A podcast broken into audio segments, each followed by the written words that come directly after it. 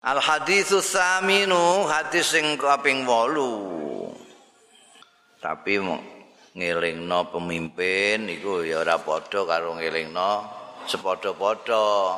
Kowe mbek kancamu, mbek kowe karo pimpinamu beda nek carane. Nek carane mbok padakno ya malah gak kasil kowe ngelingno malah dikuampleng kowe. Ya, jadi ana aturane.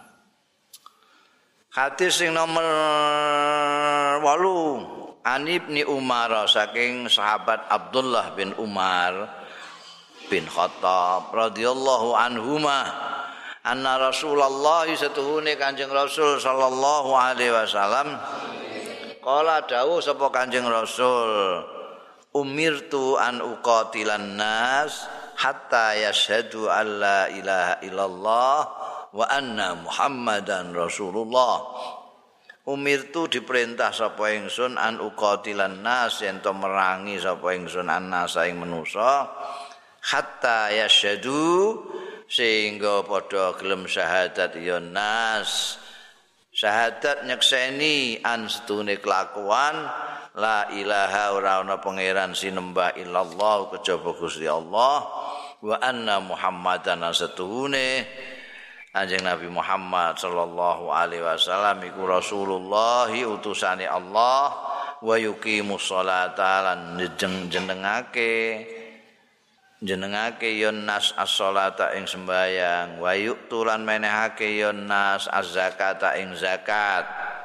Fa idza fa'alu dzalika mongko tetkalane nindakake yon nas dzalika ing mengkono-mengkono syahadat salat, zakat, asamu minni. Monggo teman-teman cekelan wis cekelan ya nas. Minni cekelan piye? Melindungi asamu terlindungi ngelindungi. Nek wis nglakoni syahadat loro ikomatus sholat, ita zakat, mereka itu berarti sudah melindungi mini saking ingsun dima'ahum ing darah-darahnya nas. Wa amwalahum dan bondo-bondone nas. Illa bihaqil islami kejaba kanthi hae Islam. Wa khisabu mutawi khisabe nas. Allah taala ing atase Gusti Allah taala Rawahu riwayatake hadis Ibnu Umar iki sapa Al Bukhari wa Muslimun Imam Bukhari wa Muslim. Nek ndak perhatikan iki hadis iki ambek hadis sing ngarep ana hadis tentang bunyal Islam ala khamsin iki mbok hitung kurang iki mau ana syahadat, salat, zakat. Nah, ya. Nek niku ne bunyal Islam niku ala khamsun lima? Ana haji ana anu barang. Jadi nek iki nek mbok ora mbok gabung no hadis iku mau jiko iki tok. Ya artine nek wong iku wis syahadat wis salat zakat ora kena diapa-apa ora kena di perangi darahnya haram tidak halal. Bandane gak untuk dirampas ini perang sampai wong kafir itu mungkin bisa terbunuh mereka mungkin kita bisa merampas hartanya sapi turutun itu halal. Tapi begitu dia syahadat itu sudah tidak bisa. Tidak boleh.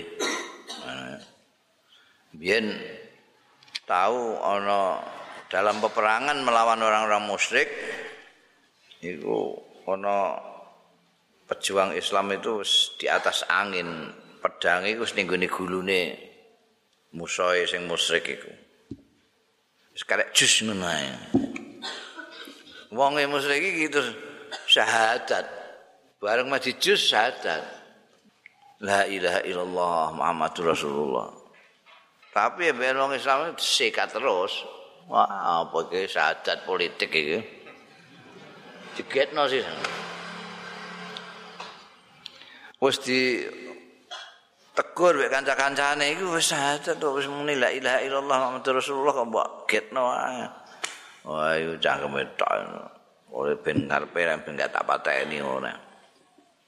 Nunggu tak kandakno Kanjeng Nabi yo kandakno. Dilaporno tenan niku Kanjeng Rasul sallallahu alaihi wasallam.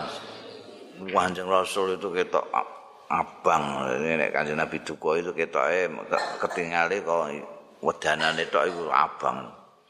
Lho. Ndekne wis la ilaha illallah. Mbok pateni.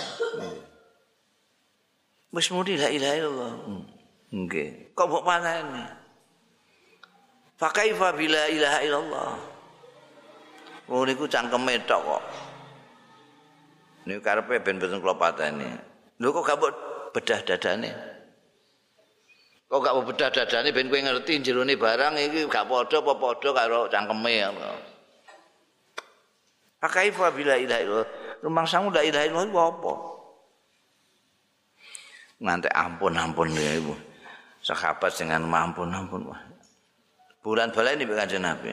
Pakaifa bila ilaha illallah. Pakaifa bila ilaha illallah. Pun pun Gusti, pun kanjeng Rasul. Papok kula. Jadi adat itu penting. Ojo gawe ini madani wong Islame KTP ngono. Islam arep kawin nek ngono barang ngono iku lho. Ana ana sing kawin arep kawin lagi anu Islam, sadat. Iku ya. Jadi sadat ya wis nah Islam. Apa meneh wis salat wis gelem zakat iku wis ndak boleh diapa-apakan itu asamu minni di mahum. Jadi nek ana sing terus mateni wong Islam saenake dhewe padahal salat, padahal zakat, malah wis kaji bareng. Wis dibantai itu ya jelas orang nganggo aturane Kanjeng Rasul sallallahu alaihi wasallam.